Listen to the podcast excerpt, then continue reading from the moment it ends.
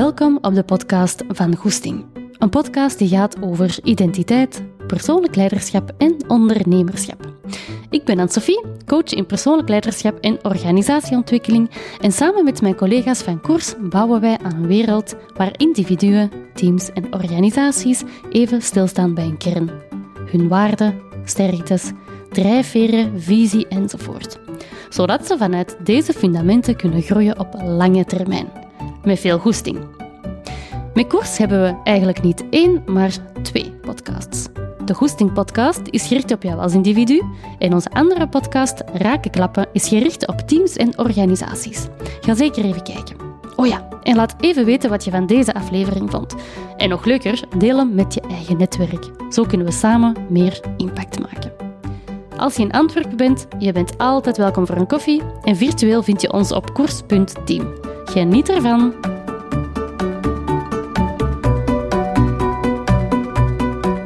Welkom, superleuk dat je luistert. Het is een hele speciale aflevering vandaag, want ik heb mijn zus en mijn schoonzus uitgenodigd. Julie, dag Julie. Hallo? Ik noem Julie eigenlijk Giles, dus dat is heel raar voor mij om Julie te zeggen. En Joël. Hallo. En Joël noem ik normaal Joel. Dus ook een beetje gek om Joël te zeggen. Zeg gewoon zusje. Jaja, dan heb ik jullie allebei mee. Voilà. Goed. Julie en Joël zijn allebei mijn go-to persons van de laatste 2,5 jaar, sinds ik Manon ehm, heb gekregen als ehm, oudste dochtertje. En ze zagen, ehm, of ja, jullie zagen mijn hoogste hoogtes en zeker diepste, diepste laagtes. Vooral in die diepste laagtes ehm, heb ik met jullie heel veel gepraat. Hebben jullie heel veel naar mij geluisterd. Ik heb af en toe ook naar jullie geluisterd, maar jullie hebben ook heel veel naar mij geluisterd. En we hebben vooral heel veel gepraat met elkaar over het ouderschap. En het waren jaren van onszelf verliezen, onszelf terugvinden en terug verliezen. En vooral dan dat zoeken naar dat evenwicht hierin. En daarop ligt de focus vandaag. Nu, heel belangrijk, voordat we gaan starten. Wij zijn hier alle drie als ervaringsdeskundigen, dus niet als experts. Wat wil dat zeggen? Dat wij vandaag ons eigen verhaal gaan vertellen. En ik wou dit verhaal ook, of dit gesprek ook graag met jou delen, omdat ik, um, er zit heel veel wijsheid in hoe dat Julie en Joël de dingen aanpakken. En um, ja, echt waar. Ik zie er nu allebei kijken. Wat? Cool. Jee. Pressure is on. Ze hebben juist al gevraagd hoeveel luisteraars dat er zijn. Um, Twintig. laten we het houden bij vijf. Dan is er minder stress. Mama, papa. Um, maar goed, hè, um, vandaag zijn wij hier dus eigenlijk om ons eigen verhaal een beetje te vertellen. Ik zou vooral zeggen, laat u inspireren en haal er vooral uit wat dat voor u resoneert. Dus het is geen algehele waarheid dat wij vertellen, maar we willen vooral gewoon dingen naar buiten brengen en mensen een beetje inspireren met onze eigen ervaring. Goed? Misschien is het goed voordat we starten dat je toch een beetje een kader hebt van hè, wie dat Joël en Julie zo zijn. Laat ik beginnen bij Joël. Um, ja, kunt je heel kort vertellen wie, hoe, wat, waar, waarom? Waarom? um, ik ben Joël, de schoonzus van u, van Anne-Sophie. Um, ik heb, uh, aangezien het daarover gaat, ik heb twee kleine kinderen van vier jaar en van twee jaar. En uh, verder werk ik halftijds als zorgleerkracht in het derde en het vierde leerjaar. Dus je hebt ook al wel wat ervaring, veel, veel ervaring met kindjes. Want je hebt ook je achtergrond, hè? Ja, veel, veel kinderen doorheen mijn leven, ja. En qua background ook, qua opleiding, heb je ook wel... Ik heb uh, pedagogie gestudeerd en uh, daarna heb ik eerst vormingswerk uh, gedaan. Eigenlijk met jongeren die hun weg niet vonden in het onderwijs. Mm -hmm. um, en toen daar de subsidies voor opgeraakten, voelde ik, misschien moet ik ze niet buiten het onderwijs gaan begeleiden, maar binnen het onderwijs. En dan ben ik naar het lager onderwijs overgestapt. Mm -hmm. Voilà, en daar zitten we nu. En het leuke aan Joël is, is ze heeft zo'n beetje ook een passie met alles van het uitzoeken van alles rond ouderschap en ontwikkeling en al die zaken. Dus uh, ga zeker heel interessante dingen kunnen vertellen vandaag. Charles? Mm -hmm. Ah ja. Wie, wat, Ja, waar, wie, waarom? wat, hoe en zo. Ehm, ik eh, ben een mama van ook twee kindjes, ook van vier jaar en twee jaar. Ik heb een dochter vier en eh, een zoontje van twee jaar. Eh, en daarnaast ben ik ook zelfstandige in wetenschapscommunicatie. Dat is een beetje een zelfbedachte term voor wat ik doe. Ehm, in het heel kort gezegd help ik onderzoekers in het naar buiten brengen van hun onderzoek. En dus dat niet verdwijnt in vaktijdschriften, maar dat ja, wetenschap en kennis en inzichten de wereld ingaan en gebruikt worden. Hm, zalig. Ook fijn is dat je het ouderschap combineert ook met het startende ondernemerschap. Dus ook daar ehm, leuke insteek voor vandaag. En ik denk dat de combinatie van, eh, van jullie twee wel super boeiend is. Dus zalig. Laten we er gewoon aan beginnen. Eh, misschien nog een leuke. De namen van de kindjes, want die hebben we nog niet genoemd. En we gaan misschien hier en daar wel wat namen noemen, als jullie dat oké vinden. Dat is gemakkelijker hè, dan zo mijn dochter of mijn zoon. Dat is zo wat afstand. hè. Die van mij zijn Manon en Stella. Manon is ehm 2,5, bijna 3 eigenlijk al. En Stella is eh 7 maanden. Ja, ik heb een dochter van vier en zij heet Lilia. En mijn zoontje heet Alex. Twee jaar. Ons Annabel is vier jaar en ons Gloria is twee jaar. Alright. Veel kinderen om over te praten. Maar het gaat eigenlijk niet echt over die kinderen vandaag. Het gaat vooral over ons. ehm, en over hoe dat wij ons wel of niet verliezen in het ouderschap. Maar vooral ook hoe dat wij daarmee zijn omgegaan. Klopt, hè? Ik heb in deze... ehm, voor, ik heb eigenlijk één vraag voorbereid. En de rest laten we gewoon gaan. Goed? Om te starten is de vraag... Als je in één woord, één, kunt beschrijven hoe dat je je als persoon nu voelt in het ouderschap. Wat is dat dan? Jawel, ik moet nog nadenken. Doe maar. Ik, ik kom alleen op zo'n een Engelse term, wat misschien zo wat gek overkomt. Ja, commitment. Commitment. Het mag maar één woord zijn, hè? We gaan er zo op ingaan. Commitment. En wat dat bij mij te binnen schiet, is eh, ja, alles overheersend. Zoiets. Ik had zelf over de vraag nog niet nagedacht. En wat dat bij mij nu heel erg binnenkomt, is waanzin. ik heb nog geen idee wat dat wil zeggen, maar ik... eh, Wacht nog een jaar. Oké, we hebben alles overheersend, we hebben commitment en we hebben waanzin. Laten we daarmee beginnen. Goed. Commitment? Wat is dat voor u? Ja, dat is zo een eh, onvermijdelijke term of zo. Ehm, ik weet nog toen onze Annabel, dus mijn oudste dochter, eh, net geboren was, hetgeen dat mij het meest overweldigde, of waar ik helemaal van van mijn melk was, was... Ah, die is hier nu, continu. Er is niet zoiets als... Precies in alles van mijn leven had ik ervoor zo... Dan kan ik wel even pauze nemen. Of dan stap ik er even uit. Of dan neem ik even, een, even wat afstand. En dat ging niet. Die dagen gingen open en toe. En die bleef daar natuurlijk, met alle noden dat een baby heeft.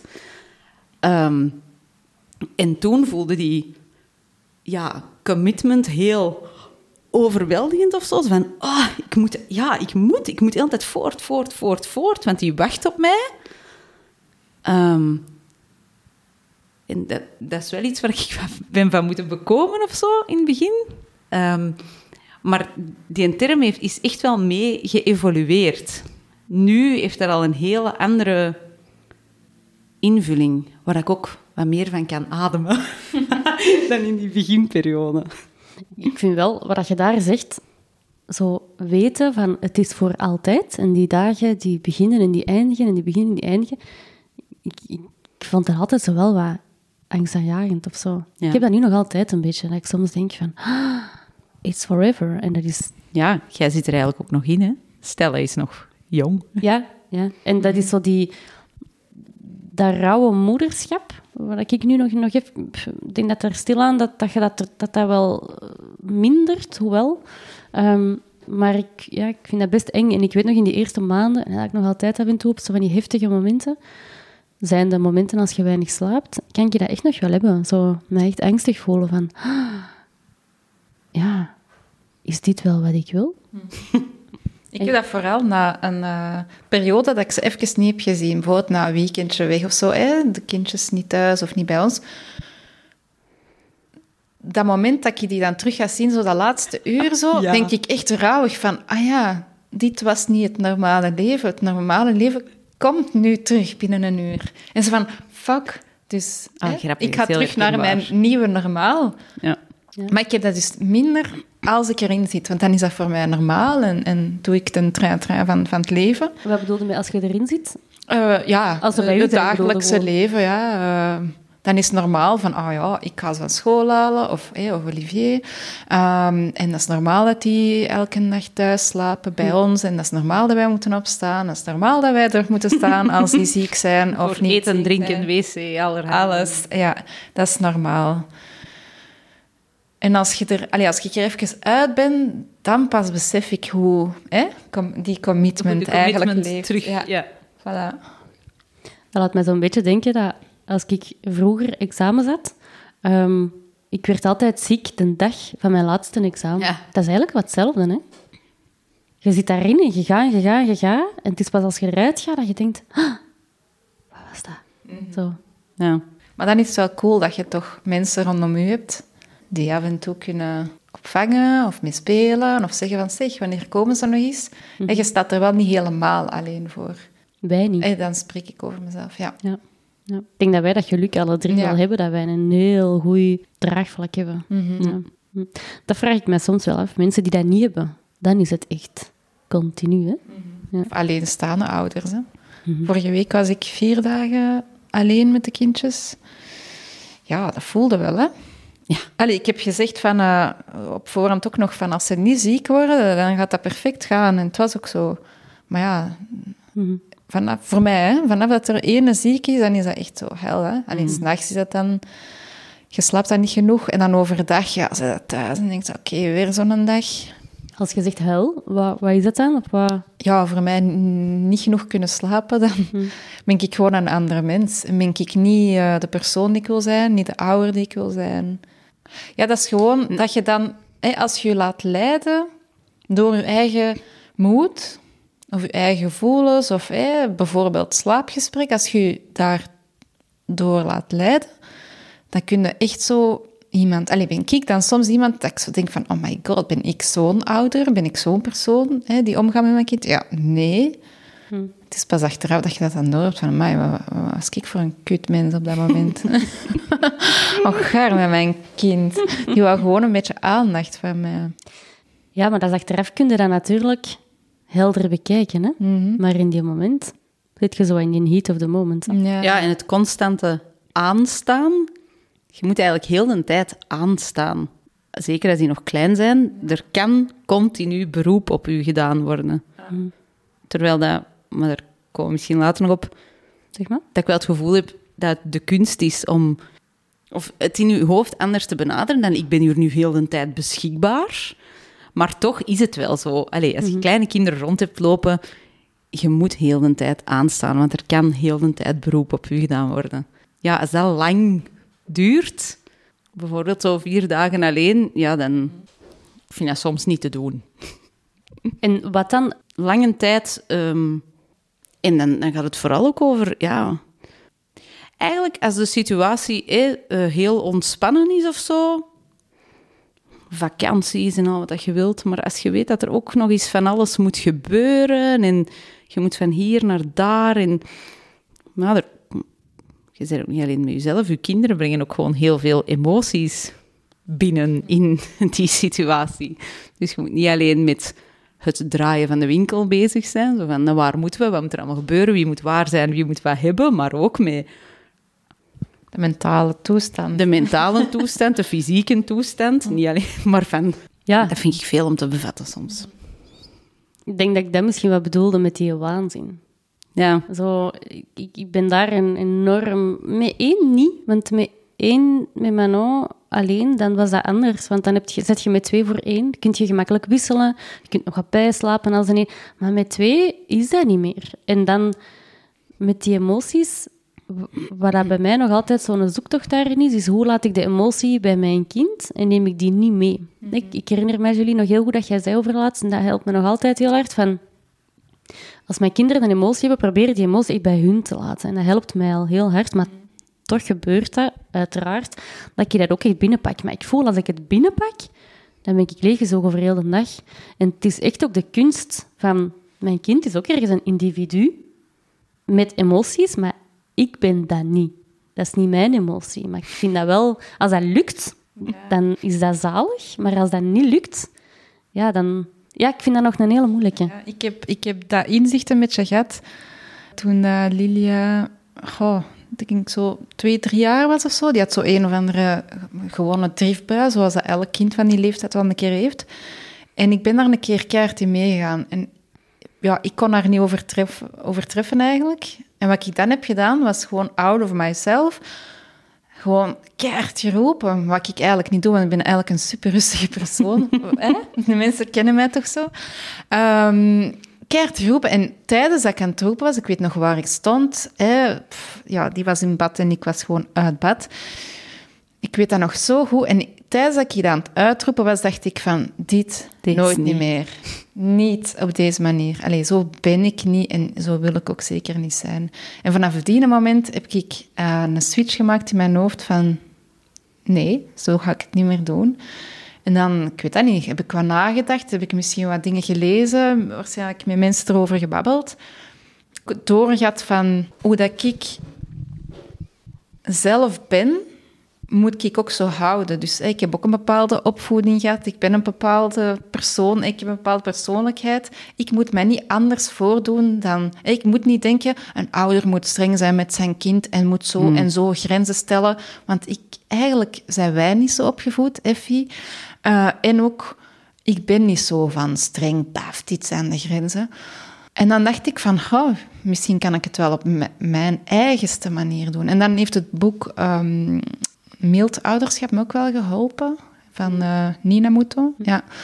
ja, dat heeft me ook wel geholpen om die klik te maken in mijn hoofd. Van ik mag gewoon mezelf zijn in het ouderschap ook. En niemand anders moet zeggen hoe dat ik mijn kind moet opvoeden. Ik kan dat op mijn eigenste milde manier, want zo ben ik ook. En voor anderen kan dat misschien te mild zijn, maar voor mijn eigen klopt dat zo. En dat werkt ook zo met mijn kindjes. Ja, ik denk ook dat jij alleen kunt beslissen wat dat klopt. Of kunt ja. evalueren wat dat klopt mhm. en wat dat werkt. Ik denk dat dat iets is, um, merk ik bij veel jonge ouders. Ehm, en zeker ook bij mezelf, is echt dokter Google als je een eerste baby hebt. Dat was echt mijn beste maat. Ja. Ik, ik was zo onzeker in, in dat ouderschap toen hij mijn ouder was. wij, wij krijgen opleidingen als wij uh, studies, wij doen cursussen, wij lezen boeken, ja, boeken nu ook. Maar snap je, je wordt, voor zoveel dingen word je eigenlijk begeleid en opgeleid, maar ineens voor het ouderschap, dat is eigenlijk het grootste dat u overkomt. Gewoon in die zin dat je kinderen het meeste losmaken in u als persoon omdat je je, eigen grenzen heel erg begint hè, te merken, of je botst op je grens, en ineens, daar is niks voor. Je moet dat gewoon ineens doen. En ik heb echt een fout gemaakt toen van heel veel te gaan opzoeken, Dr. Google. En hoe meer dat ik opzocht, hoe verder dat ik van mijn eigen ging gaan staan. Wanneer slaapt mijn kind wel? Ja. Hoe kan mijn kind slapen? Maar vooral, wanneer... genoeg? Wanneer slaapt het? En hoe laat moet dat eten? Ja. Serieus. Soms heb ik... Moet het wakker maken om te eten? Nee, wanneer dan? Niet doen. Ja, maar dat is toch eigenlijk dat is toch absurd? Soms zie ik mensen op hun klok, die kinderen zijn aan het wenen, hebben misschien honger. En dan, ah nee, nee, nog tien minuten wachten. Hmm. Maar ik denk dat dat een normale evolutie is, omdat je soms ook gewoon niet weet hoe dat je het moet doen. Maar daardoor gaat het misschien wel verder van mezelf staan. Maar wat je daarnet aanhaalt, je hebt dat mensen op hun klok zitten te zien van, ah ja, over tien minuten pas. Ik zie dat ook, hè, voor de duidelijkheid. Ah, wel, ik wil dat niet beoordelen. Hè. Nee, ik, ik wou eigenlijk inpikken daarnet. Die mensen die op hun klok zitten te zien, doen dat misschien ook intuïtief. En in die zin vind ik, ik ben akkoord dat je je eigen weg moet zoeken met je kinderen. En ja, hoera, zoek alsjeblieft bewust je eigen weg met je mhm. kinderen. Maar het is naar mijn gevoel wel zo, er is wel zoiets als wetenschap, hoe evolueren kinderen goed, wat is ja, wat, wat is wat helpt u? Al is het maar gewoon, wat helpt u om een beetje harmonie in uw gezin te hebben? Hè? En in die zin zullen er heel veel mensen zijn die intuïtief omgaan met hun kinderen, maar ver van harmonie blijven. Dus ik, ik ben een beetje voorzichtig in het gebruik van een term. ge- gebruik uw intuïtie, want dat geloof ik niet helemaal. Weet dat iedereen echt een weg heeft. Dat is niet zoiets van, ah ja, we beginnen er maar aan en dat ontplooit zichzelf wel. Ja, nee, je moet er echt... Je moet er eigenlijk naar op zoek. En waar dat je je houvast aan vindt, ja, dat zal voor iedereen wat anders zijn. Maar er zijn wel dingen die je verder gaan helpen dan andere. Ja, en dat kan ook rust Dingen. geven ook, hè. Ja, Ja. ja. Ja, en spreek erover, hè. Denk, denk ik ook. Ja. Stel, je zit met iets of, of je weet echt gewoon niet meer wat je moet doen. Allee, wat mij altijd heeft geholpen, is met mensen praten. Allee, zoals met Uffie. Ehm, je hebt ook aan mijn deur gestaan met van die voedselpakketjes en zo van die dingen. Ehm, ja, als je je kwetsbaarheid bloot legt, dat, dat helpt ook. Hè, want dat geeft u dan meer energie. Als je voelt van, ah ja, ik sta hier echt niet alleen voor. Eh, mens, of mensen hebben het ook meegemaakt en komen er ook wel terug bovenop enzovoort. Ja, dat lijkt me echt het belangrijkste. Want ik heb het gevoel dat mensen echt staan te springen om over hun verzuchtingen met hun kinderen en hun ik weet het niet te spreken. Ehm, misschien gebeurt dat niet als vanzelfsprekend bij iedereen of zo. Ja, ik ben van mijn eigen gewoon iemand... Ik heb, dat, ik heb constant een klankbord nodig voor zo van die dingen. Ehm, dus bij mensen die het eigenlijk willen aanhoren, waar ik mij een beetje bij op mijn gemak voel, zal ik eigenlijk mijn verzuchtingen wel leggen. Van, oh, ik wist het echt niet gisteren. Of, oh, dat vind ik moeilijk. En ik krijg eigenlijk... Ik heb wel altijd daar enthousiaste reacties op gehad van, ja, bij mij ook. Ah, kunnen we het er eens over hebben? En in het daarover praten, ja, komt eigenlijk al, al ver, hè? Ik denk dat dat, dat normaliseren daarvan, van ik ben niet alleen, want ik weet nog heel goed, een, een, een- we zaten in ons caravan s'avonds en dan waren van die shiften tot tien uur s'avonds, kennen dat zo die eerste Ja. maanden. En ik weet nog dat Dominique op een bepaald moment zei, "Pff, is deze normaal?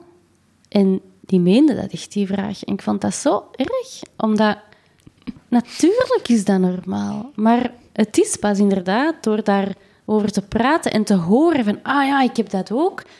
Dat is eigenlijk, want ik weet nog dat ik toen zei van, ja, na, dan natuurlijk, zoveel mensen hebben deze. En alleen dat al was voor hem zo, oké, dan is het goed, of zo. En dat is zo belangrijk, dat je ook die dingen kunt zeggen. En dat je ook bij mensen terecht kunt waar dat je dat mag doen. Gewoon dat ventileren. Ja. Zonder grenzen bijna. Zo. Want dat is echt nodig. Dat is een beetje hetzelfde als dat we op het begin van deze podcast... De energie zo'n beetje van, hoe spannend en zo. Een beetje dat lachen en zo. ah. Als dat eruit is, is dat eruit en kun je vertrekken. Dat is eigenlijk hetzelfde. Nu, is, nu zijn wij zen. Nu zijn we zin. Het is eruit. Ja, ik was nog aan het denken. Dat is ook echt iets zo wat eigen aan, aan ons samenleving. Wij voeden ons kinderen heel alleen op, hè? In ons eigen kleine kerngezin. Met hopelijk mama en papa, maar veel ouders zelfs alleen.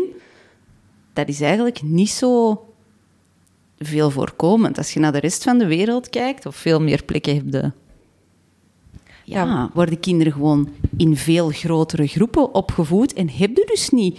Zullen veel minder die vraag hebben van, is dit wel normaal? Want je ziet gewoon overal kinderen lopen die crisissen en meltdowns en weet ik veel wat. Ik denk dat dat bij ons gewoon veel meer in ons huis zich voordoet. Of op de parking. Of op de parking. Nee, nee, dat is zo. En daarom is dat hulpvragen zo belangrijk. ja. Want dat ook nog eens in combinatie met dat wij allemaal een job doen, hè, of toch degene hier aan tafel dan, hè, het is niet zo evident als je alles zelf doet en een job hebt. Nee. Dat zijn eigenlijk twee, drie jobs tegelijk. Ja, want wat jij er juist zei van de klik van de emotie van mijn kind is de emotie van mijn kind. En het belangrijkste is eigenlijk van daar niet in mee te gaan. Ja. dat was voor mij ook echt een heel belangrijk inzicht. En dan heb je natuurlijk, het inzicht is één. En zo de fysieke rust, de mentale ruimte en een hele context om dat inzicht dan ook toe te passen, dat vind ik een heel proces.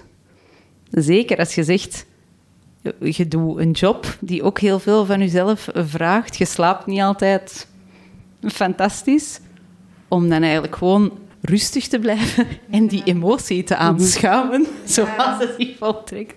Dat, dat is een van mijn grootste... ehm, ja, daar heb ik al een hele weg mee moeten gaan. Ja. Ik weet dat dat een belangrijke is. Ja, ik heb dat misschien iets minder. Of ja, ik had dat met Lilia dus wel. Dus echt zo van, wow, haar emoties zijn mijn emoties enzovoort. En dan heb ik die klik gehad.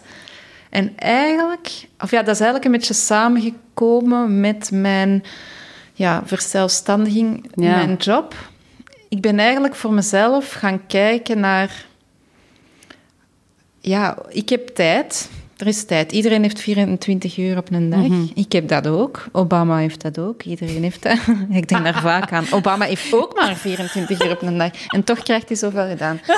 Ehm, ehm, en eigenlijk ben ik anders gaan kijken naar eh, tijd gewoon. Naar hoe dat ik... Eigenlijk, ik ben baas van mijn tijd. Hoe vul ik dat in? En als ik daar dan over nadacht, of, en, en nog altijd nadenk, denk ik van oké, ik wil mijn kinderen zien. En ik zie die kinderen 's morgens. Ik, ik ga die halen rond vijf uur van school. En dan hebben wij twee, drie uur ons spitsuur, want zo noemen we dat. Dat is dan bak spitsuur. Eh, wat er ook gebeurt, wij zijn gewoon thuis met die kinderen. Wij steken in bed en we hebben nog wel fun. Eh, en daarna heb ik ook nog tijd voor mezelf. Hè. Dat is dan zo van acht tot, tot tien of elf. Dan heb ik nog het weekend. Of ja, voor mij is dat dan heel weinig voor mezelf. Maar eigenlijk in de week, omdat ik zelfstandig ben, kan ik echt alles met jezelf invullen. Wat ik nu doe bijvoorbeeld, is, is gaan joggen in de week. En dat doe ik dan s morgens als eerste ding. Want ik ken mezelf, als ik dan... Eens dat ik begin te werken, ja, dan heb ik zoiets van... Ah, dit moet echt af of zo, of, of ja. En dan ga ik niet meer gaan joggen om drie uur 's namiddags. En mijn luisteraars kennende, weet ik dat de vraag zo ook zo bij sommige mensen nu al gaat spelen van ja, en wanneer doe jij dat dan? En hoe combineerde jij dat dan? En dat Kom- joggen, hè? Ja, dat is echt een keuze. Dat is echt streng zijn voor mezelf. Ik, ik pak dat mijn agenda. Ik kijk naar mijn tijd als in een week. Dus ik kijk niet dag per dag, ik, ik denk in weken. Kijk eerst naar mijn agenda van oké, daar heb ik een zware dag, daar heb ik eigenlijk bijna niks te doen. Dan heb ik dat en dat te doen, oké. En dan kijk ik waar zijn hier slots waar dat ik voor mezelf iets kan doen en dan plan ik dat zo in. En soms kan dat gebeuren dat ik zeg van ik kan niet dan. En dan zit dat in mijn agenda als hè, joggen tot tien uur s morgens. Ja, ik kan niet. En ik moet geen verantwoording afleggen aan niemand. Hè. Dat is gewoon, ik kan niet. Uh, of als ik... Vorige week ben ik uh, met mama hè, naar, het modemuseum geweest. Dat was ook al twee, drie weken afgesproken. Uh, dat is keihard uitgelopen. Kei tof. Maar dat was de max. Dat was een kei tof moment met mama. En dat was zo van... Ja, want ik heb s'avonds gepland om nog even te werken. En ik noem dat dan niet doorwerken. Hè, want doorwerken is gewoon zo, baaf, nog meer werken. Nee, ik noem dat, dat is werken. En dan hou ik eigenlijk de leuke of de chille dingen voor s'avonds, dat ik echt in mijn zetel doe. Mm-hmm. Want ik ga dan niet achter een bureau zitten, maar dan zit ik gewoon wat te hangen in de zetel en, en werk ik wel. Dat is het voordeel van een zelfstandige natuurlijk. Dat is Ja. wel leuk dat je dat kunt puzzelen. Ja. Maar dan nog, allee, als ik nog hè, gewoon contract had, bediende contract, ik kon ook- ook dan zo bepaalde dagen thuis werken. En dan waren dat ook zo wat mijn dagen dat ik dacht van, ah wel, ik ga dat nu beslissen om smiddags bijvoorbeeld mijn ding te doen. Of, allee. Allee, ik hoop dat iedereen toch op een of andere manier ergens eh, dingen zelf kan invullen. En dat, ik weet, dat gaat niet op elke job, hè. dat is zo. Hè. Eh, ik zeg maar, als je nu eh, in het ziekenhuis moet werken bijvoorbeeld, ja, die patiënten vragen elke minuut van u. Of ja, dat gaat dan over leven en dood. vaste uren, hè? Voilà, ja, dus dat vaste kunnen, uren ja. is een groot Voilà, ja. ding, hè? Ja. Maar ik denk, als je dat niet hebt, eh, dan moet je toch proberen zoeken naar ja, mogelijkheden om dat in te vullen. Ook al denk je dat dat niet kan, mensen staan er meestal wel voor open. Allee, bijvoorbeeld hè, bazen of zo, van, dat je zegt, ah, van 12 tot 2 ga ik eh, geen meetings kunnen doen. Als je dat uitlegt. Allee, ja, ik weet dat niet, hè. Dat is In iedereen wat middenklasse, hoogopgeleide jobs waarschijnlijk wel. Eh, geen idee waar dat iedereen werkt, maar ik denk dat dat een beetje sectorgebonden is ook. Ja. Ja. ja. Sowieso, bij u is dat nu sport. Dat is voor u een grote prioriteit. Ehm, ik denk dat zeker in de ouderschap, je, kunt gewoon niet meer en, en, en, en, en doen. Je kunt zeker een paar ennetjes doen, hè, en sport en gezond eten en nog eens met hè, vrienden zien. En ik denk dat je gewoon voor je eigen heel goed moet gaan uitmaken van, oké, wat zijn echt mijn absolute prioriteiten? Voor u is dat duidelijk sport. Ik heb dat ook met sport. Ik heb dat nodig, omdat als ik dat niet doe, daar ga ik heel veel voor laten wijken. Omdat ik dat nodig heb Ehm, om mij goed te voelen. Maar ik weet dat voor heel veel mensen hebben misschien andere prioriteiten. Hè. Voor iemand anders is dat misschien een, een sociaal, hè, het, sociale nog onderhouden. Um, en ik denk dat je gewoon voor je eigen heel goed moet gaan kijken van wat heb ik echt, echt nodig om gewoon de energie die ik heb, dat ik dat daaraan kan besteden, hoe moeilijk ook. Hè? Ehm, want je je kunt gewoon niet meer alles doen. En ik hoor het u nog vorige week zeggen, als ik, mag, als ik dat mag zeggen. We hadden dat gesprek over uh, ja, dat Dominique dan een avond weg was of een weekend weg was, ik weet niet meer. En dat jij zei, ja, maar dat is goed, die heeft dat nodig. En dan, ah ja, volgende week gaat hij die avond sporten. Maar ik vind dat goed, die heeft dat nodig. En ik hoorde nu dat zeggen en dacht, oh my god, dat heb ik ook gezegd vroeger. Of ja, nog vijf maanden geleden denk, allee, dat heeft niks met geslacht te maken, denk ik, maar wel met ja, mindset of, of hoe empathisch dat je kunt zijn. Of dat je zegt van ja, dat is goed dat hij dat doet. En als ik dan vroeg aan u, en wanneer heb jij je moment? Dan kon jij niet veel zeggen. Allee, dan werd je van. Oh. Ja, ik denk dat dat gewoon. Wat ik er juist bedoelde, was, was vooral ook gewoon voor jezelf. Hè? Van oké, je eigen prioriteit kiezen en effectief ik vind dat wel heel belangrijk. Als ik weet dat, ook partnergewijs, als ik weet dat iemand iets, zoals Dominique bij mij dan, het sociale ook echt heel hard nodig heeft om te kunnen opladen, ja, dan vind ik dat ook gewoon kei belangrijk dat hij dat kan doen. En natuurlijk is dat met een dubbel gevoel, omdat je dan een zwaar weekend hebt zelf, want je bent alleen met die kindjes. Mhm. Sowieso. Um, en je hebt zeker momenten dat je ja, ik heb heel veel momenten dat ik niet aan die zelfzorg toekom. Maar als ik er toekom en je weet dan wat je belangrijk vindt, vind ik het wel belangrijk dat je op dat moment het wel doet. Hè? Bijvoorbeeld sport, dat is het eerste dat bij mij ook gaat wijken als ik moe ben of weinig energie heb. Maar vanaf dat ik een beetje beter heb geslapen, is dat het eerste dat ik doe. En dan doe ik het soms gewoon met Manon bij. Of met Stella bij. En dat zijn dan mijn gewichten. Maar wat je daar zegt, is voor mij ergens wel zo de sleutel of zo. Um, toen dat jij in voorbereiding van dit had gezegd, ik denk over de titel jezelf wel niet verliezen in ouderschap. Eigenlijk vertrekt die titel vanuit iets negatief. Je moet iets opgeven. Hè? Jezelf niet erin verliezen is iets negatief. En je verliest uiteraard, je verliest tijd dat je vroeger aan andere dingen gaf. Want nu hebben nu kinderen natuurlijk van alles nodig. Dus dat is een, een gegeven. Je hebt al die zorgtaken. Ehm, dat is zo.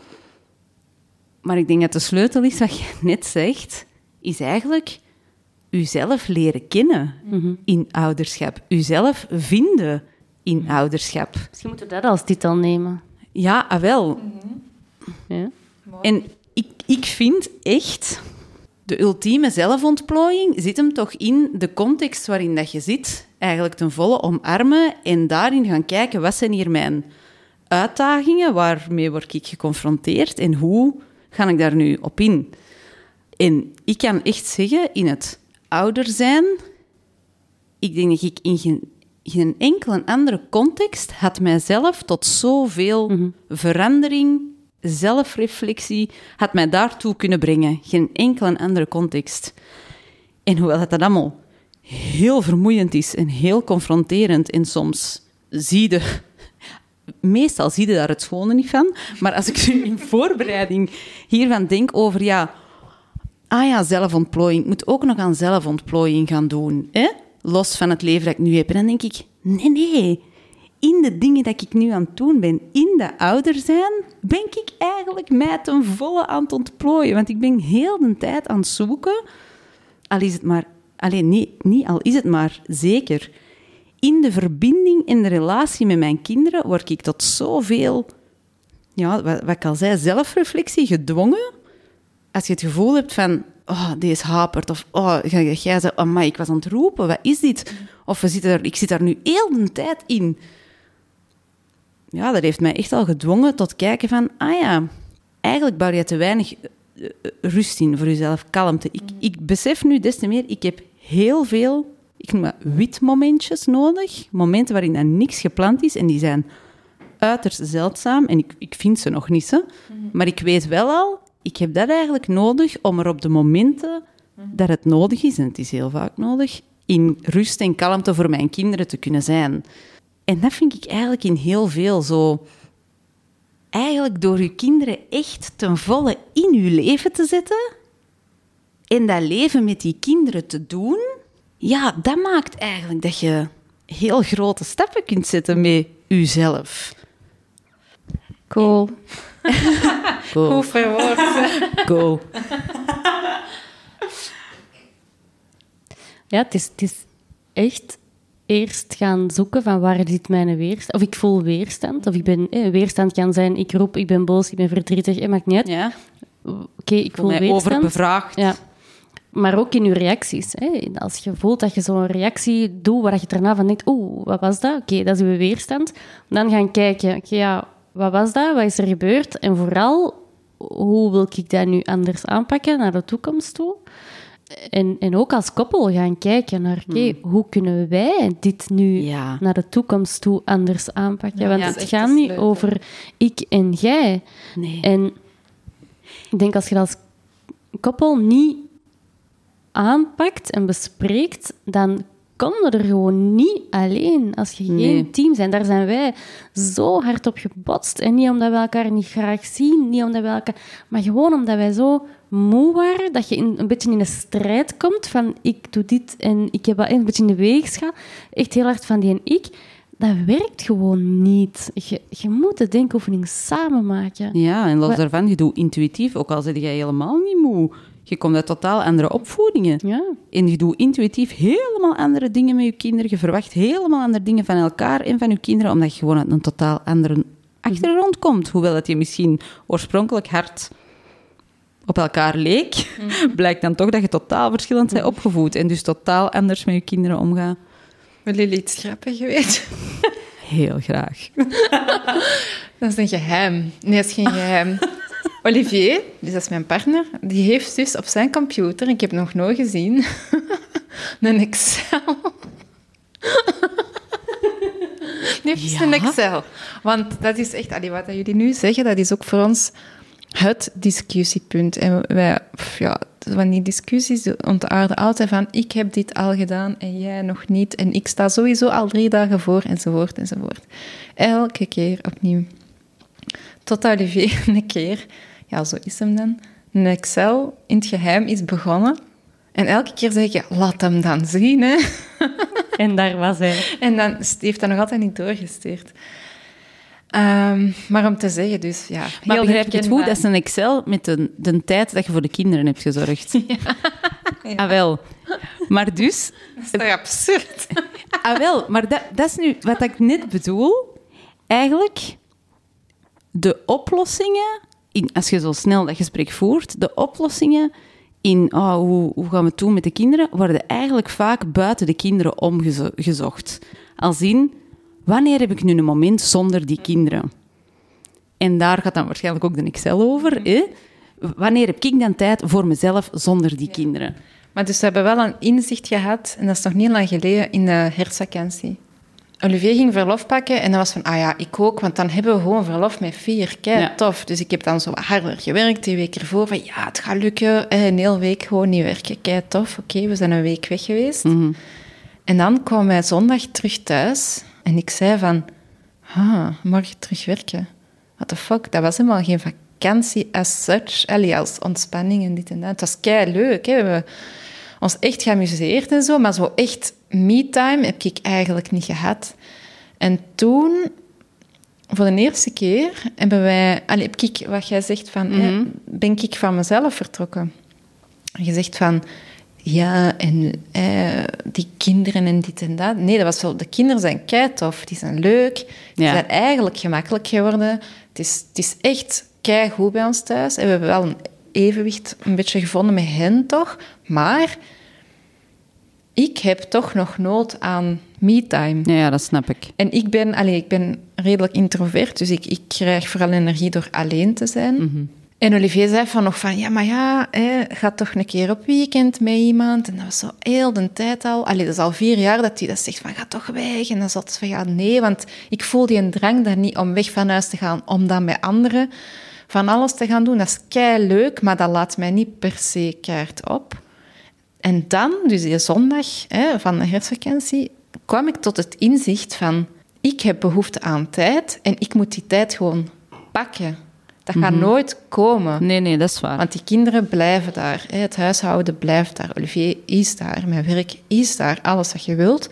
Maar ik moet tijd maken. En als ik dat niet doe, ja, dan, dan ben ik iemand die ik misschien niet wil zijn. Dus eigenlijk vanaf dan heb ik besloten van ik ga vanaf nu elke maand één of twee dagen in de week, want dat is eigenlijk, allee, ik kan dat redelijk gemakkelijk plannen, ga ik gewoon weg. Ik ben toen in eh, november naar Luik gegaan, gewoon met de trein. Ik had niks gereserveerd. Ik had geen laptop bij. Ik had wel mijn gsm bij. Ik had gewoon mijn pyjama bij, een onderbroek, wat sokjes. En dat was het dus. En dat was zalig. Gewoon niks. Sokjes. ja, ja. Ehm, Recept voor een topuitje. ja, maar dat weegt niks, hè. Ehm, en dat was echt de max. Ik kan er dus nu nog altijd op teren. Hè. Dat is hoeveel weken geleden? Twee, drie weken geleden. En ik ga dat nu elke maand doen. En dat was dan, ja, kijk En vooral dat dat oké is om ook gewoon, snap je? Want je hebt je rol als mama, je hebt je rol als partner, maar je hebt ook gewoon wie, allee, gewoon jij, Julie zijn. Ja. En dat is, dat is zo oké om te zeggen, ik ga ook gewoon eens een dag of twee of één nachtje gewoon wat bijtanken. Want als je daarna bij terugkomen gewoon ook daar veel meer kunt zijn wie dat je wilt zijn voor je kinderen en je partner en wie dan ook. Wat ik daarbij denk is, ik wil het daar niet van laten afhangen. Want ik weet, ik krijg dat, ik krijg dat niet georganiseerd, om welke reden dan ook. Ik ben een ander persoon, ik, ik heb een ander soort job, weet ik veel wat. Ik krijg dat niet geor- georganiseerd. En wat voor mij echt een beetje een, een eye-opener was, en wat mij al heel ver heeft gebracht, ehm, komt ook uit dat boek wat jij onlangs nog hebt aangeraden. ehm, Jagen, verzamelen en opvoeden. Jagen, verzamelen en opvoeden. Oh, de auteur ontsnapt mij even. Ik zal het Dat eh, ga jij in de ergens, erbij zetten. ja. Dus die journalisten is gaan kijken naar hoe andere culturen eigenlijk met hun kinderen omgaan. En wat je daar echt een eye-opener vond, was... Eigenlijk...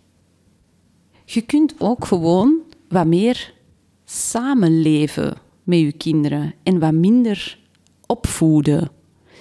En daarmee bedoel ik... Zo een dag niet met hele kleine kinderen. Zo'n een baby is een andere categorie. Maar vanaf dat die een beetje zelf kunnen spelen, en dat kunnen die al heel jong als je er de context naar schept, kun je echt wel voor jezelf bepalen, ah, die dag vandaag, ik zou graag voor mezelf ook wel dat en dat doen. Natuurlijk moeten met je kinderen ook. Hè. Die moeten eten hebben, die zullen eens buiten moeten geweest zijn. Natuurlijk, die zijn er. Maar ik vind, als je het vertrouwen geeft aan je kinderen, die gaan zichzelf echt wel kunnen bezighouden. Je hoeft echt niet een dag helemaal uit te plannen. Als gewoon het gegeven is, wij zijn nu thuis samen. En ik begin aan mijn kook en ik ga een beetje iets lezen dat ik moet lezen. En ik, dat zal wel eens gestoord worden, hè. Maar ik vind dat ongelooflijk sinds dat ik die klik heb gemaakt van ik moet niet de hele tijd zorgen dat die ook bezig zijn of dat die... Nee, nee, ik moet daar niet voor zorgen. Die zijn echt perfect in staat om, als die wat aan hun grief kunnen en die krijgen een beetje vrijheid, om hun, om hun tijd te vullen. En natuurlijk zijn ze in de buurt, maar ik kan heel veel deugd hebben om in die hun buurt op mijn gemak die was op te plooien en op mijn gemak de kook te doen die dat toch moet gebeuren. Maar dan zijn ze gewoon bij elkaar in de buurt, samen in het huis, aan het samenleven. zonder dat je heel een tijd... En dat vind ik echt zo'n belangrijke... Zo'n belangrijk uitgangspunt dat mij zoveel rust geeft. En dat bedoel ik dus met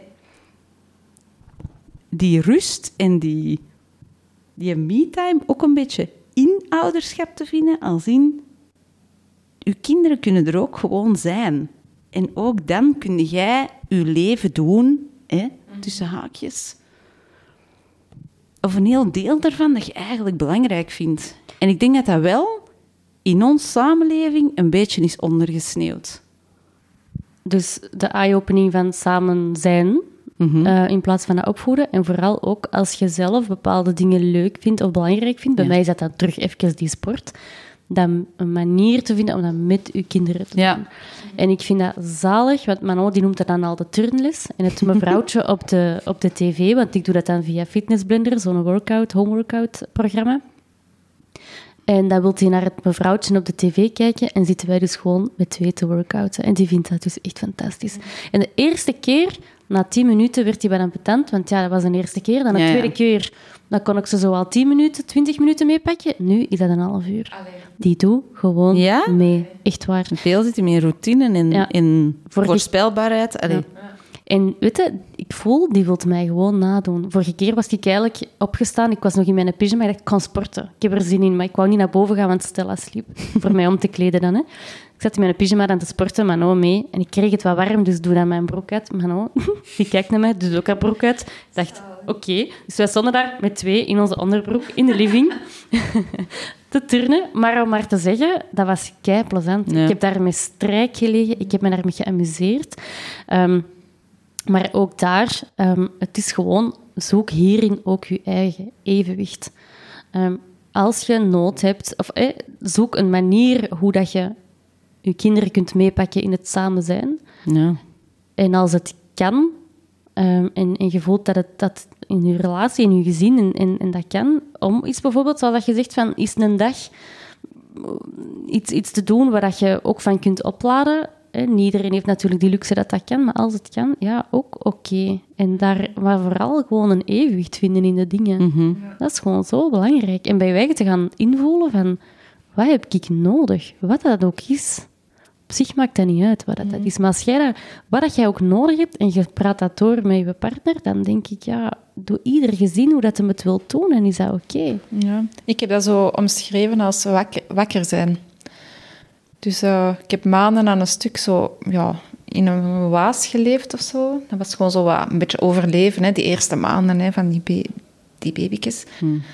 En aan een tijd had ik zoiets van, ah, ik ben terug wakker. Ik kan terug naar de wereld kijken. Ik kan terug naar anderen kijken. Ik Ja, kan ja. naar mezelf kijken. Dat heeft dan zo gewoon even geduurd. Maar eens dat ik dat, dat hè, wakker zijn heb, heb gezien of ge- gevoeld, is dat wel cool. Dus wat jij zegt, Joël, van, van hè, dat boek en zo, eh, ja, ik, eh, ik ben daar wel mee mee. En eh, het is echt een mindset, hè. Het is, echt een, het is Ja. echt een mindset. En in die zin kun je ja, geen grotere vorm van zelfontplooiing of met jezelf bezig zijn, Ja. denk ik, dan, Ja. dan daaraan te werken. En, en ook, ik, ik was vanmorgen met eh, mijn coach, ik heb ook een coach, hè, en het ging ook over dat ouderschap. Hè? Wat dat dan ook is. Is dat hè, in het onderwijs, in de zorg, in, in privé, eh, enfin, maakt niet uit. Dan hebben wij, denken wij na over hoe dat wij onze jaren willen invullen. Ja. Wij denken na over wie willen we zijn als organisatie, waar willen wij naartoe, wat zijn onze plannen. Maar in het gezinsleven of met ons eigen doen wij dat niet. Of minder. En dat is eigenlijk ook iets van, ja, ook daar een denkoefening hè, met, je, met je gezin. Van, ja, wat willen wij met ons gezin? Waar willen wij naartoe? Wat vinden wij belangrijk? Wat zijn onze waarden? Wat willen we als kinderen meegeven? En dan kan dat een oefening zijn als de kindjes nog jong zijn, dat je met de ouders kunt doen. Maar als die wat ouder zijn, zo'n gesprekken ook met je kinderen gaan doen en gaan nadenken. Oké, volgend jaar, waar willen wij nu onze focus op leggen? Kan van alles zijn. Hè?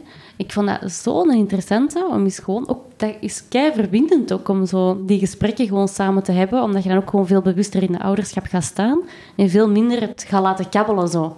En gewoon van, oké, bijvoorbeeld... voordat wij... ehm, toen wij ons huis hebben gekocht in Kalmthout, ehm, dat was een heel moeilijke beslissing voor ons. Omdat wij dan ver, in onze ogen ver van Antwerpen gingen wonen. van ons. Ver van jullie. Zeg het maar. En dat was een heel zware beslissing. In die zin, wij voelden... Heel onze buik zei, je moet naar daar. Dat is echt waar dat jij wilt wonen. Bij ons allebei. Maar ons hoofd hield, hield ons enorm tegen. De angst van... Oei, onze familie en vrienden, gaan die ons nog wel... Gaan we die nog zien? Gaan die ons nog leuk vinden? Echt zo absurd. We hebben eigenlijk tot vier uur s'nachts, heel de nacht van acht uur s'avonds tot vier uur s'nachts liggen nadenken van ja, nee, ja, nee, bot, nee, ja, nee. Heel de nacht door. Tot om vier uur s'nachts, ik weet dat nog heel goed, dat wij zeiden van oké, maar wacht, wat waren onze waarden nu weer? Wat, wat willen wij als gezin eigenlijk meegeven? Wat willen wij voor onze kinderen? En het was zo zot, maar in no time was dat besloten. We gaan dat bod doen. We hebben dat bod gedaan.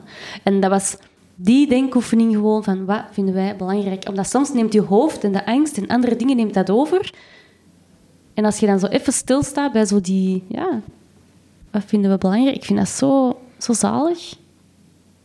Om Ja. dat kompas te gebruiken. Ja, en zeker, oh, daar, daarnet hield je, eh, heb je even aangehaald, zo, ja, uw relatie met kinderen.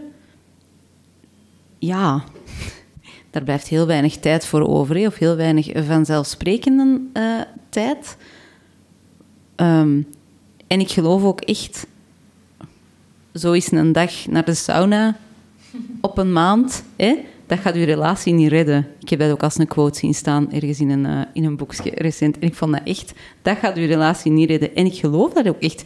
Het is niet alleen uzelf leren kennen in ouderschap, maar ook echt elkaar leren kennen in ouderschap. En nog meer, denk ik dan, hoe gaan wij hier nu een team in zijn in dat ouderschap? En dat echt uitspreken en met elkaar ja, bepalen, dat is natuurlijk iets... Ja, daar moeten we ook echt tijd voor maken, want je valt gewoon s'avonds steendood neer. In de zetel vaak, hè. Maar dat lijkt mij wel de uitdaging en de enige manier waarop dat je er in je relatie komt. Zo van, hoe vinden wij gewoon zo de rust of de, de verbinding dat je dan in die sauna zo gezegd zou vinden, hoe vinden die ook bij elkaar de moment dat je gewoon met je kinderen dingen aan het doen bent? Want dat kan. Heel veel daarvan heeft ook met je eigen mindset te maken en met je focus op die kinderen en met je focus op je partner. En dat vind ik een kei grote uitdaging. En daar word ik eigenlijk zo wat warm van, want dat is wel iets... Allee, wij zijn er nog niet, hè? wij zijn er nog niet. Maar ik heb wel... Die dag sauna daar heeft toch we- goed gedaan, hè? Die dag sauna heeft goed gedaan, maar daar gaan we er niet mee komen, hè, Sophie. Nee, dat is echt in die dagelijkse dingen. Hè. Ja. Hoe vind je die pret dat je met elkaar had, misschien voor je kinderen? Dan was die pret vanzelfsprekend. Ah ja, want anders bleef je niet bij elkaar. Hoe vind je die pret ook gewoon in het dagelijkse, met je kinderen er gewoon bij? Ja. ja, dat vind ik de leukste momenten dat we met vier dingen kunnen doen. En niet dat, ja, wij zijn zo geen thuishangers, Allee, ik vooral niet. Ehm, maar ik vind het leukste om zo uit het huis te gaan en echt op avontuur te gaan. Ik zeg nu even een romantisch avontuur, maar het gaat over gewoon iets nieuws ontdekken. Gewoon zien van, oh, we zien wel wat we tegenkomen. Ehm, bijvoorbeeld, ja, tijdens heel de coronaperiode hebben wij zo... ik denk ja, de helft van de musea van België gedaan. En niet per se voor ons. Of ja, wij vonden dat dan ook wel leuk om een keer iets nieuws te zien. Maar vooral van, oh, die kinderen vinden ook kei plezant. En dat was dan eigenlijk zo'n kei leuke combo van... Ja, die kinderen die, die er eigenlijk die musea platlopen, Ja. letterlijk eigenlijk. Ja, ja. En, en wij die dan ook iets meepakken en, en gewoon daar rond dan dingen organiseren. hè, Ervoor of daarna iets gaan eten en, en onderweg zijn. En Ah, dat vind ik het leukste eigenlijk. Ah, wel ja, maar dat is dan toch... Dat is echt een mindset, hè? Want ik denk dat heel veel mensen zoiets hebben... Dat is echt geen context voor kinderen.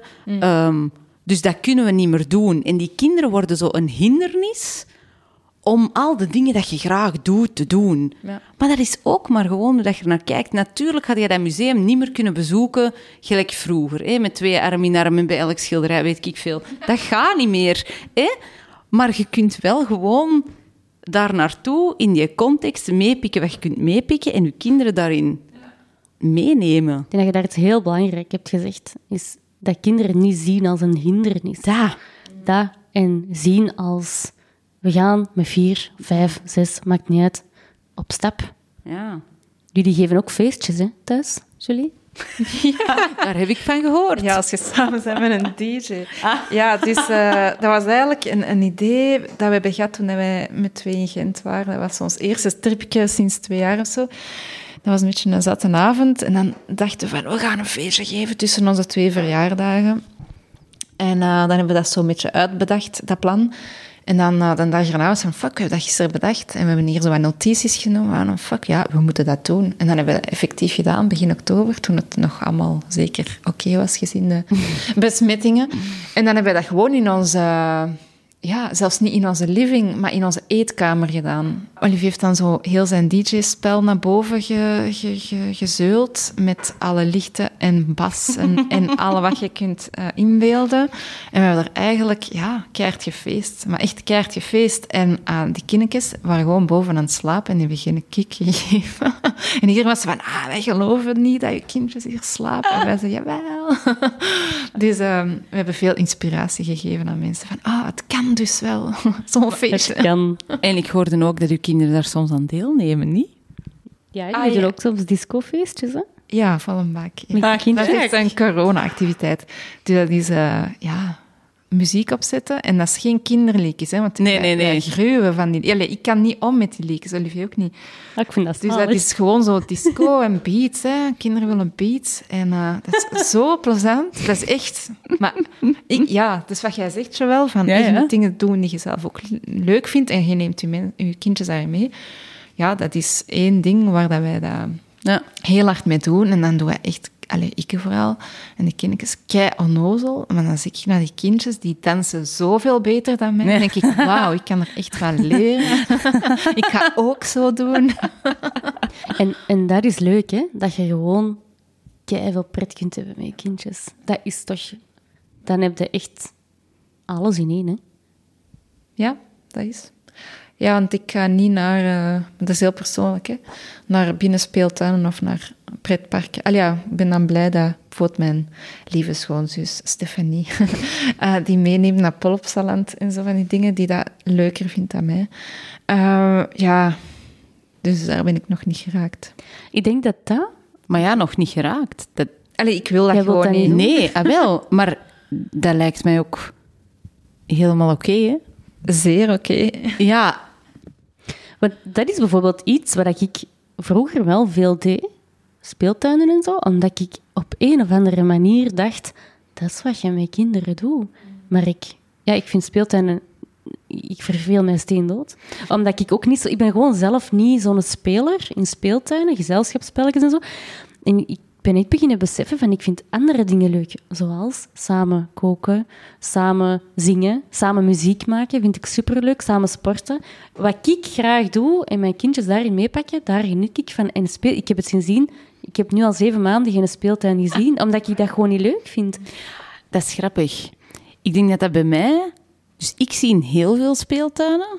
En dat is eigenlijk gewoon vanuit een heel andere mindset. Ik, ben, ik wil heel de tijd buiten zijn. Ik wil buiten zijn in parken, in bossen, in weet ik veel wat. En dus... Oftewel gaan wij dan in een park zitten bij een speeltuin, maar zijn er gewoon andere volwassenen dan om gewoon gezellig mee bij die speeltuin te zitten en wat te kletsen terwijl die kinderen spelen. Maar dan zit ik wel gewoon in de natuur waar ik wil zijn. Ah ja, maar als je niet mee op de speeltuin moet, Nee, vind ik nee. het wel leuk. ah, nee, nee. Ja, ja. Maar dat is inderdaad de veranderde klik. Ja, ik heb nog jonge kindjes. En dan... Ah ja, ah, wel. Dat gaat ik moet nog mee op die speeltuin. veranderen. En de, de klik is bij mij ook eigenlijk terwijl dat ik die een boek aan het lezen was. Heb ik die een boek meegepakt naar de speeltuin. En ik ben in die zandbak gaan zitten, omdat daar de zon was. Ik heb die een boek open gedaan. En dat was de context voor mijn kinderen. Ik zit hier... En natuurlijk, je gaat niet zeggen, je mag mij niet storen. Maar eigenlijk, als je gewoon daar ontspannen gaat zitten met je boek... Die zullen misschien nog wel eens even, maar die willen ook wel gewoon iets doen dat ze leuk vinden. En je hebt goede dagen en minder goede dagen met kleine kinderen.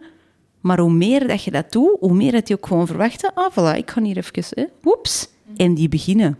Voilà, ik denk als ze zelfstandig kunnen spelen, dan is dat zalig. Want dan neemt jij gewoon je ding mee. Voilà. Of je babbelt, of je neemt je glasje wijn mee of zo op de dingen. En dan is dat... Hè? Maar natuurlijk, dat, dat evolueert als je kinderen wat ouder worden. Maar ook alleen maar als je het ervan verwacht of zo.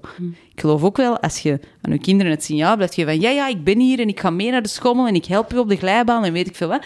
Het is de, de mindset waarmee dat je gaat, dat maakt hoe dat die zich gaan gedragen. Hè? Ja, en als je dat zegt, dan denk ik ook meteen aan het ding van... Ik denk dat we heel erg onze kinderen onderschatten. Dat we denken Extreem. Dat ze, ja, ik denk dat, ze, dat wij heel vaak denken dat ze dingen niet kunnen of niet weten. Die hebben geen entertainment nodig en voor heel veel dingen geen hulp. Ja, wel, vooral dat tweede. Entertainment is één ding, maar vooral zo... Die kunnen echt wel zelf op iets klauteren en Ja. zelf hun handen wassen en zelf een handdoek pakken, ik zeg maar iets. De machine uitladen. Maar no, laat heel de wasmachine alleen uit. Dat is geen grap. Ja. Dus terwijl dat ik op voor... Ah, pas op, dat bord. Ah, pas op. Terwijl dat ik op een bepaald moment dacht, ik kan die gewoon eens laten doen. Als het kapot is, is het kapot. Die heeft dat eenmaal alleen uitgeladen. Dus ik denk dat wij ook gewoon ons kinderen onderschatten. Ja. Ja, ik heb ook zo sinds dit weekend... Allee, we hadden twee kindjes over de vloer. En dat was zo... Normaal zou ik zo, ja, als die toekomen, zoiets van... Oké, wat gaan we doen? Yay! En zo wat de halve clown uithangen, wat ik totaal niet ben dus. Maar oh, ik heb het gedaan, been there, done that. En dan dacht ik van, wacht even. Die zijn nu al bezig. Ik moet daar niet nog een schep bovenop doen. En eigenlijk heb ik heel dat weekend... Ik had al zo van, oeh, dat wordt een zwaar weekend. Maar dat was eigenlijk een super chill Ja. weekend. En onze kleine van twee, daarvoor was het van... Ja, we gaan toch nog mee op de trap, hè, je weet wel. Ja, nee, we hebben dat losgelaten. Die- kinderen hebben heel ons huis gezien, alle hoeken. En we hadden wel babyfoons zo op elk verdiep. Maar dus, eh, en we werden af en toe geroepen voor ik weet niet wat. Maar dat was zalig. En ook dat heeft vaak met je eigen veronderstellingen en zo te maken. Dus ook daar moeten we weg mee gaan. Zo van, oh, maar die gaan zich pijn doen. Of dat is gevaarlijk. Zo heel dat ding. Ja. De vraag is dan, maar is dit echt... Wat kan er eigenlijk echt gebeuren? Dat of dat, ja. Is het dan kei erg? Ik kan dat risico nu gewoon eens nemen. En eigenlijk... Ja, ik heb niet het gevoel dat je vaak... Ja, die van mij, mijn jongste, die, die is al drie keer de straat op gegaan. Deur open Ah ja, en die stond op straat. Dat is het enige dat ik denk, Dus dat niet. vertrek vanuit je eigen kinderen. En als je dan in de stad woont, of ja... Dat is het enige. Dat ik dacht van, wij moeten, moeten we dan de sleutel van het slot doen? En dan was zo, ja, nee, dat is ook niet veilig. Dus ja, dat is zo het enige dat ik denk, Spannend. die deur. Dat is een avonturier, hè, Alex. Is dat dan wat je wou zeggen met alles overheersend? Eenmaal in het begin, het ene woord. Oh, ah ja, toen heb ik dat gezegd. Ehm, pu- pu- pum. Eh, wat ik eigenlijk bedoel met alles overheersend, is dat eh, zowel in positieve als negatieve zin, dat ja, een kindje redelijk alles overheersend is. Hè. Dus ehm, als het dan gaat over Alex op straat... Ja, ik zou dus echt letterlijk, ik weet dat echt, hè, mijn leven geven voor mijn kinderen. Dat is gewoon... ik moet daar zelfs geen minuut over nadenken. Dus... Hè, Mocht, mocht er oorlog zijn, ik zou mijn lichaam geven aan mijn kinderen om en een kogel in mijn... Ehm, om, om die kogel te doen stoppen voor mijn kinderen. Dus eh, daar langs de ene kant, dus echt gewoon vol een bak eh, liefde en, en echt die drang om die te, ja, te doen leven. Eh, en langs de andere kant, ja, die, die door hun, hun zijn... ehm, dat is dan wat jij zei in het begin, Joël, mee met die commitment. Ja, door hun, hun aanwezigheid, door hun zijn, ja, maakt dat die elke dag in je leven zijn en heb je een alleroverheersend gevoel van die zijn er en dat is heel goed. En op bepaalde momenten, in mijn leven heb ik al gehad van is dit, wa- is dit het wat we bedacht hadden voordat we aan kinderen eh, begonnen. Ehm, maar ja, om te concluderen, ehm, ja, fun. en inderdaad, af en toe zoeken naar jezelf in, in dat ouderschap. En dat is een mega proces. Als ik kijk naar mezelf, is dat echt... Poef, ik ben al vier jaar en een half mama. eh, heb ik een mega proces ondergaan. En ik ben eigenlijk wel heel blij waar ik nu sta. Ja, ik denk dat ik een sleutel gevonden heb. En ik zal er waarschijnlijk nog veel vinden. Ja, en omdat, omdat jij dan nu terug, hè, dat alles overheersend, dat brengt mij dan terug bij de gedachte, juist omdat het zo alles overheersend is, geloof ik echt dat het geluk zit in juist binnen dat alles overheersende echt bewust te verbinden met die kinderen en, die, en samen met die kinderen dat leven te doen. Want als je vastblijft in een kramp van, oh nee, dat die tijd dat ik nog alleen had zonder die kinderen en die maar de hele tijd opvangen en ergens anders en wanneer ben ik nog eens alleen? Natuurlijk, soms is dat nodig. Je moet kunnen opladen alleen. Maar dat, uit die kramp gaat het niet uitgeraken. Want dat, alleen, dat, blijft veel spanning. Dus ik geloof echt in een weg vinden mee. Hoe gaan we nu gewoon samen dat leven doen? Ik, mijn partner en die kinderen. En zorgen dat iedereen ja, het oké heeft. In alle aspecten van het leven. Hè? Zo de ontspanning, maar ook gewoon... Allee, er moet gekookt worden, wie helpt met prijsnijden? Um, ik ga de was opvouwen. Jullie hebben geen zin? Oké, maar ik kan die wel gewoon opvouwen. Doe maar. See you. Uh, samen het thuis zijn, in dat huis draaien, in dat gezin draaien. Ja, daar lijkt mij echt het, allee, het geluk in te zoeken. Dat is eigenlijk ineens een goede recap. Of een goede samenvatting eigenlijk, hè, waar we vandaag over hebben gesproken. Mhm. Ik stel voor dat we onze initiële titel ook aanpassen. Hè, naar jezelf heruitvinden of zo, als ouder, zoiets. Jezelf leren kennen in ouderschap. Voilà. Ta-ta-ta. Voilà. Ik eh, hoop dat je ervan genoten hebt. Dat jullie ervan genoten hebben dat je, om deze te doen. Die Vond het, 20 eh, luisteraars. Ah nee, het gaat voor ons. het gaat voor u. Ik vond dat heel leuk. Dat is eigenlijk zo... Allee, we praten daar vaak over, maar dit was zo eens een keer... Hè? Hoe lang? Een uur of zo? Mhm. Gefocust, ja. Ja, Leuk, hè? ja, heeft deugd gedaan. Merci ook om hier te zijn in Ja, ons merci. kantoortje in Antwerpen. Merci ook als je luistert om te luisteren tot hier, hè, want dan heb je goed lang volgehouden. Eh, dus eh, mega, mega bedankt. En ehm, ja, ik zou zeggen, see you soon. Yay! Bye. Ziezo, het zit erop. Ik vond het super fijn dat je luisterde. Dank je wel daarvoor. En laat ook zeker even weten wat je van deze aflevering vond. En nog leuker, delen met je eigen netwerk, want zo kunnen we samen meer impact maken. En als je meer wil weten over onze programma's, ga dan zeker even naar onze website www.koers.team of stuur me een berichtje. Tot binnenkort!